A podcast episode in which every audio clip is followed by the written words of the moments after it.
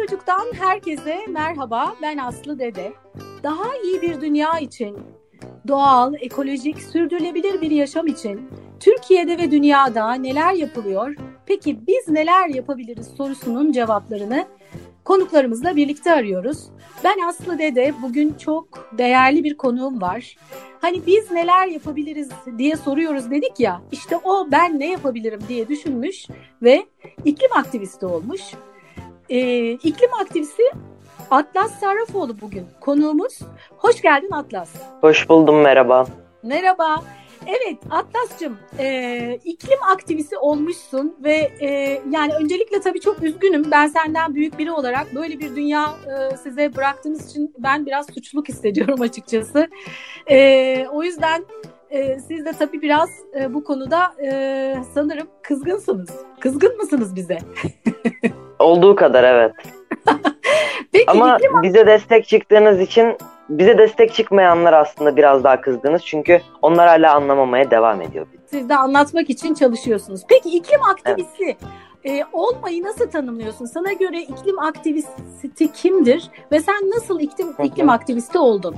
Ee, öncelikle tanımlamak isterim. Ortada e, sosyal bir sorun olarak e, var olan konuyu gündeme getiren, e, hatırlatan ya da aslında sorgulayan kişi aktivist. Herkesin e, aslında gelecekte yaşadığımızı yaşayacağımızı düşündüğü, oysa bugün dünyanın farklı bölgelerinde farklı şekillerde yaşanan bir iklim krizinin e, acil durumun içindeyiz. Biz iklim aktivistleri de bilimi dinliyoruz, e, okuyoruz ve anlatıyoruz. Dünyada yaşanan iklim krizi, kutuplarda erime, denizlerde ısınma e, ve mercanların yok olması, Amazon yağmur ormanlarında iklim adaletsizliği olarak kendini gösteren yerli kültürlerin yok edilmesi veya ormansızlaştırma gibi veya aşırı sıcaklar dalgalarından dolayı kuraklık, açlık, savaşlar e, ve göçler olarak kendini gösteriyor. Elimizden geldiğince e, çok hareketle sosyal toplum kuruluşlarıyla dayanışma içinde çalışıyoruz. E, okullarda zirvelerde iklim krizini anlatıyoruz. E, insanlığın yüz yüze olduğu en büyük varoluşsal kriz olduğunu anlatmaya çalışıyoruz kısacası. Peki sen bireysel olarak, Atlas olarak böyle bir sürece nasıl e, geldin? Ne oldu da böyle bir şeye başla, başladın? Nasıl ilk başlangıç noktan ne?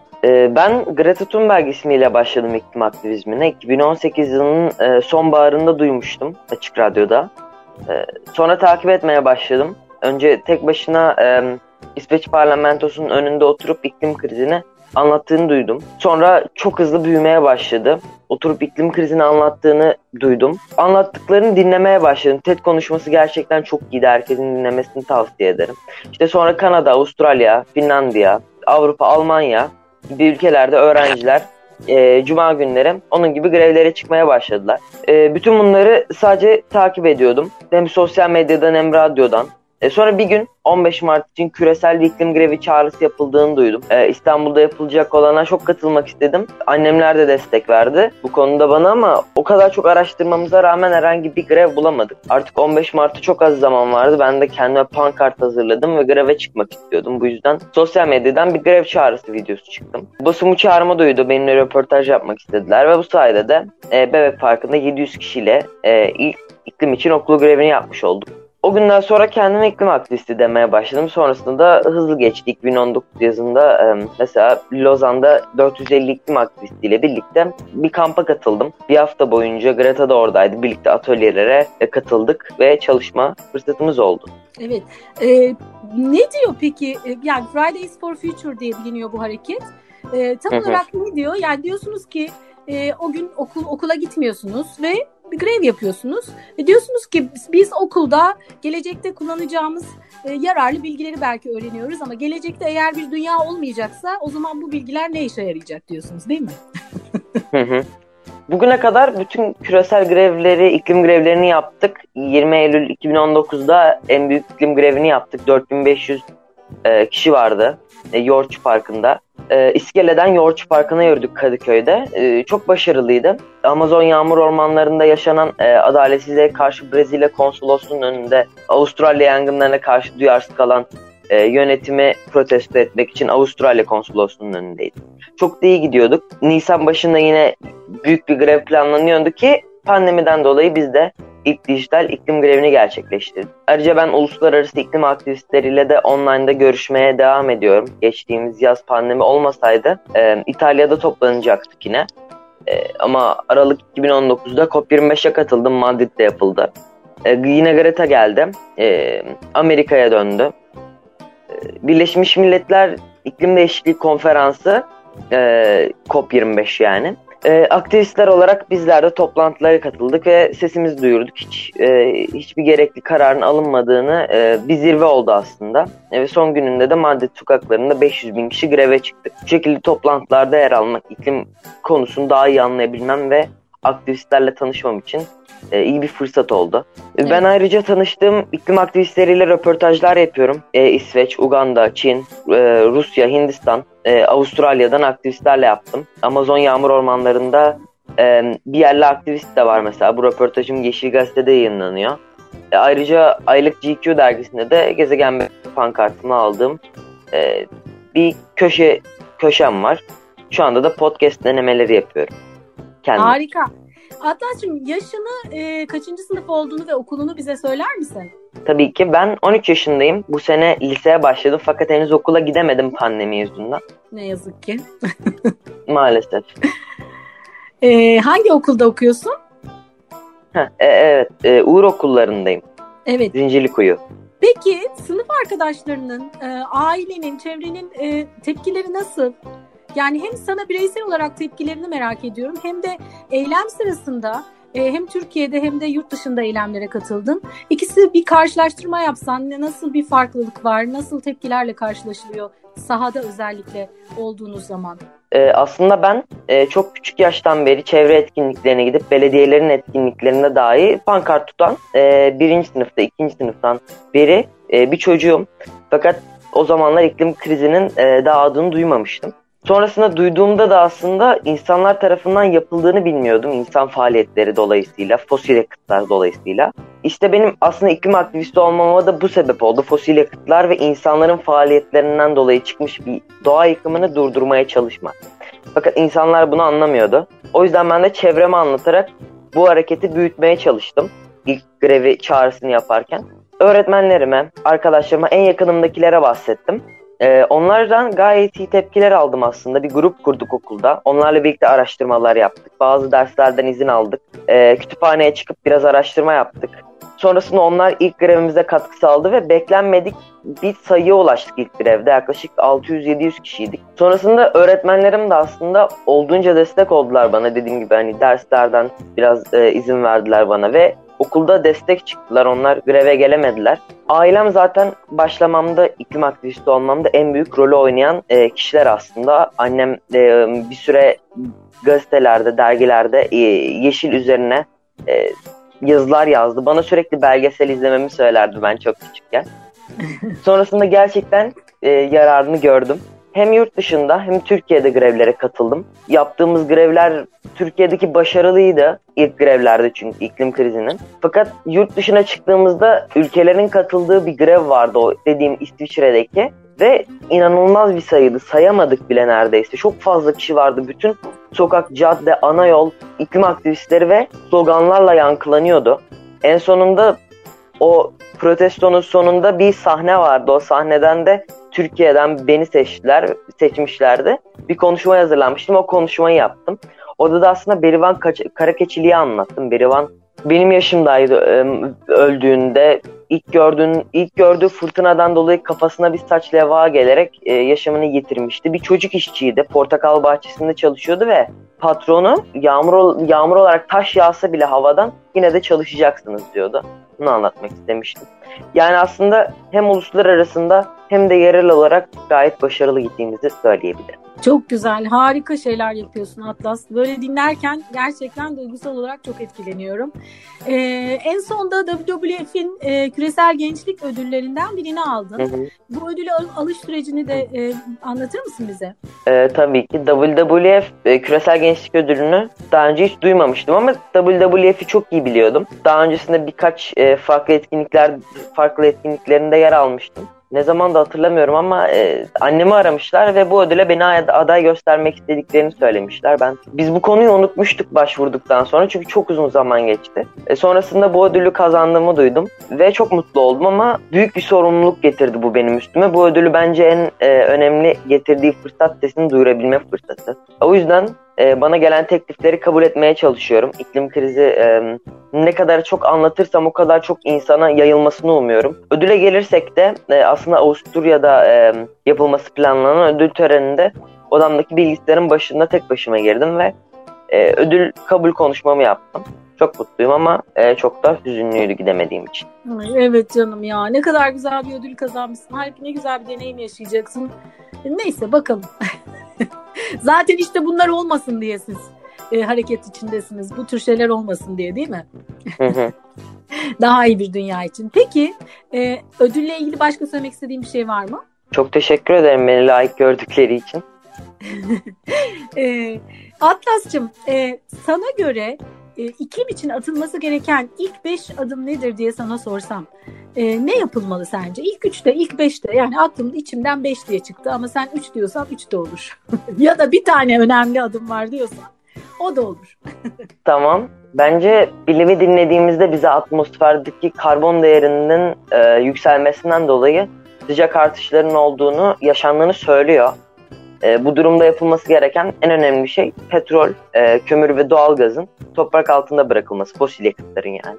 Dolayısıyla e, yeşil dönüşümlerle yatırım yapılması çok önemli. Ayrıca artık günümüzün en önemli konusu olan iklim krizini çocuklara da anlatmak zorundayız. Yani eğitim sisteminde ders olarak girmesi gerekiyor müfredata. E, bu tür bir girişimi Yuvan Dünya diye bir dernek gelişi gerçekleştiriyor. Milli Eğitim Bakan e, Bakanlığı'yla e, örnek olarak söyledim bunu. Biz iklim aktivistleri iklim adaletinin e, sosyal adalet olduğunu da söylüyoruz. Ve bu adaleti e, talep ediyoruz çünkü karbon emisyonlarına en az katkısı olan ülkelerin e, iklim krizinden en çok etkilenen bölgeler ve e, halklar, topluluklar olduğunu görüyoruz. E, bu da çok büyük bir adaletsizlik. E, bir de ekolojik yıkıma ağır cezalar getirmesi, getirilmesi, biyoçeşitliği koruma açısından da çok önemli. E, kişisel olarak ben de e, bence herkesin iklim krizi konusunda bilgi edinmesi gerekiyor. Veriler çok az, zamanımız kaldığını söylüyor ve e, sorular yerine çözümlere odaklanmamız için son yıllarda olduğumuzu belirtiyor. Evet. E, peki e, sen Atlas olarak eğitim ve iş yaşamınla ilgili gelecekte neler planlıyorsun? Nasıl hayallerin var? Şimdi, şimdi çok erken bir yaşta aslında 13 yaşında hı hı. E, belki de geleceğini belirleyen çok önemli adımlar attın. E, yani büyüyünce ne olmak istiyorsun diye sorayım mı sana? Tabii ki. hani bize hep öyle soruyorlardı. Biz doktor, öğretmen falan diyorduk. Benim ben küçükken öyle hayallere kapılmıştım. Ben de polis olmak istiyordum ama iklim krizini öğrendiğimde henüz 11 yaşındaydım ben. Ee, ve 12 yılımız kaldığı söyleniyordu. Yani şu anlama geliyor bu. Dünyada toplamda ayrılmış karbon bütçesinin tükeneceği zaman demek. Yani o noktadan itibaren devrilme noktası yaşanmış oluyor. E, denizler yükseliyor, mercanlar ölüyor, Amazon yağmur ormanları kuru bir ovaya dönüyor. Şimdi baktığımızda da ben 13 yaşındayım ve 7 yılımız kaldığı söyleniyor. Yani bu felaket e, hızla yaklaşıyor bize. Ben şu yüzden anlatıyorum. Bunları bilirken sizce bir plan yapabiliyor o, olabilir o, olabilir miyim? Geleceğimi planlayamıyorum ben. Yani aslında yapıyorum, planlıyorum e, ama aslında yapmıyorum çünkü hani hala umudum var ama biraz zor. E, benim bu planları yapmam biraz zor. Şu anda aslında hak savunuculuğu için hukuk düşünüyorum bölüm olarak. Ama vaktim olduğunda da hani vaktim var karar vermek için onu da biliyorum. Yine de çok uzak zamanlar için büyük hayallerim yok. Öncelikli olarak iklim krizini çözmek lazım. Sonrasında bakarız. Evet. Çok e, yani o kadar güzel anlatıyorsun ki Atlas. Gerçekten e, çok etkilendim. E, hakikaten yani ben şimdi tabii hep biliyorum ama böyle konuşurken daha bir ayrı farkındalık yaşıyor insan. E, ben senin yaşındayken böyle bir kaygımız, böyle bir bilgimiz yoktu. O yüzden geleceği e, hayal ediyorduk, e, hayaller kuruyorduk. Çok e, tabii gerçekten hani üzücü bir şey. Ee, bir, bu yaşta bir kişinin geleceğe dair böyle bir bilgiye sahip olması oldukça e, zor ve sen de e, gerçekten çok iyi bir yol seçmişsin. Ya o kadar duygulandım ki vallahi tutuluyorum, konuşamıyorum hatta. Teşekkür ederim. ee, peki e, süremizin sonuna yaklaştık. Ben bu arada bir de seni Fridays for Future Türkiye'nin e, hazırlamış olduğu e, Banu Kanıbeli ile birlikte yaptığınız bir çalışmada çok güzel bir şarkınızı da dinledim. Evet. E, bunu da bu vesileyle bir duyuralım istedim. Hem Türkçesi hem İngilizcesi var. Harika söylüyorsunuz. Çok güzel bir şarkı. Çok ben teşekkürler. bunu pandemi döneminde fark ettiğimde inan Atlas o gün belki herhalde 30 defa falan dinlemişimdir arka arkaya. O kadar vurdu ki beni e, böyle tekrar tekrar tekrar dinledim. O kadar güzel yapmışsınız ki. Çok Birazcık da ondan söz eder misin? Nasıl oldu? Tabii ki. E, biz öncelikle böyle bir e, şarkının yapılacağı söylendi. Ondan sonra biraz tanıştık ilk önce.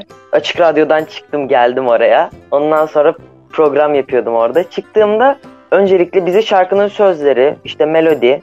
Fakat e, bir şeyler eksik gibiydi. Ondan sonra bizim sözlerimiz aslında bizim iklim aktivistleri sözlerimiz mesela ben balinaların karnındaki plastikten bahsediyordum ilk başladığım zaman hala bahsediyorum. Çok vurgulu yapıyorum. Çok e, vurguyla konuşuyorum o konuda. O yüzden onu eklemek istedik. Ona, onun sonrasında biraz şarkıyı değiştirdiğimizde e, bize de yardımcı olmak için e, iyi bir rapçi seçtiler. E, Kamufleyi bize e, biraz öğretmen olarak geldi, bize biraz anlattı. Onun sonrasında da hem Türkçe hem İngilizce olarak şarkıyı kaydettik e, ve platformlara Yayınladık platformlarda. Elimden gelenin en iyisini yapıyorum. Hı hı. diyor değil mi şarkı? Evet. o oldukça önemli. Ee, bizim ülkemizde ne yazık ki belki biraz şimdi değişiyor, dönüşüyor öyle umut ediyoruz. Ee, ama benim dönemimden söz edersem e, çok laf az iş gibi bir durum oluyor genelde. İnsanlar konuşuyorlar ama çok fazla aksiyona geçmiyorlar. Oysa hepimizin elimizden gelenin en iyisini e, yapabilmemiz gerekiyor. Yapmak zorundayız. Eğer e, yaşamak istiyorsak bu dünyada, bu dünyanın devamlılığını istiyorsak. O yüzden o şarkı beni çok çok etkiledi ve hepiniz çok güzel söylüyorsunuz. Hatta izle, e, dinledikten ve videosunu izledikten sonra e, Banu Hanım'a dedim ki sonunda dedim çocukların bakışlarını böyle arka arkaya koymuşsunuz dedim.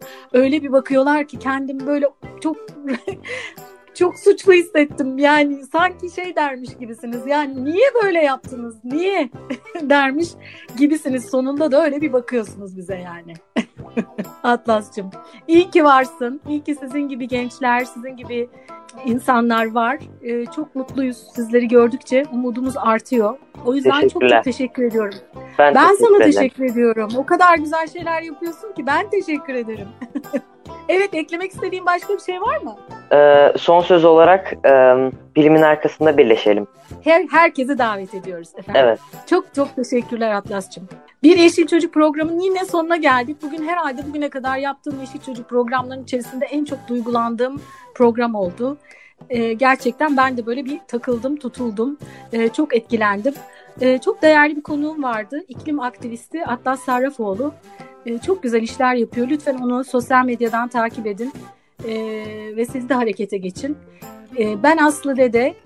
Bize nasıl ulaşabilirsiniz? yeşilçocuk.com adresinden ya da sosyal medyadan Yeşil Çocuk yazarak bize ulaşmanız mümkün. Bir başka Yeşil Çocuk'ta yeniden buluşmak üzere. Yeşil kalın.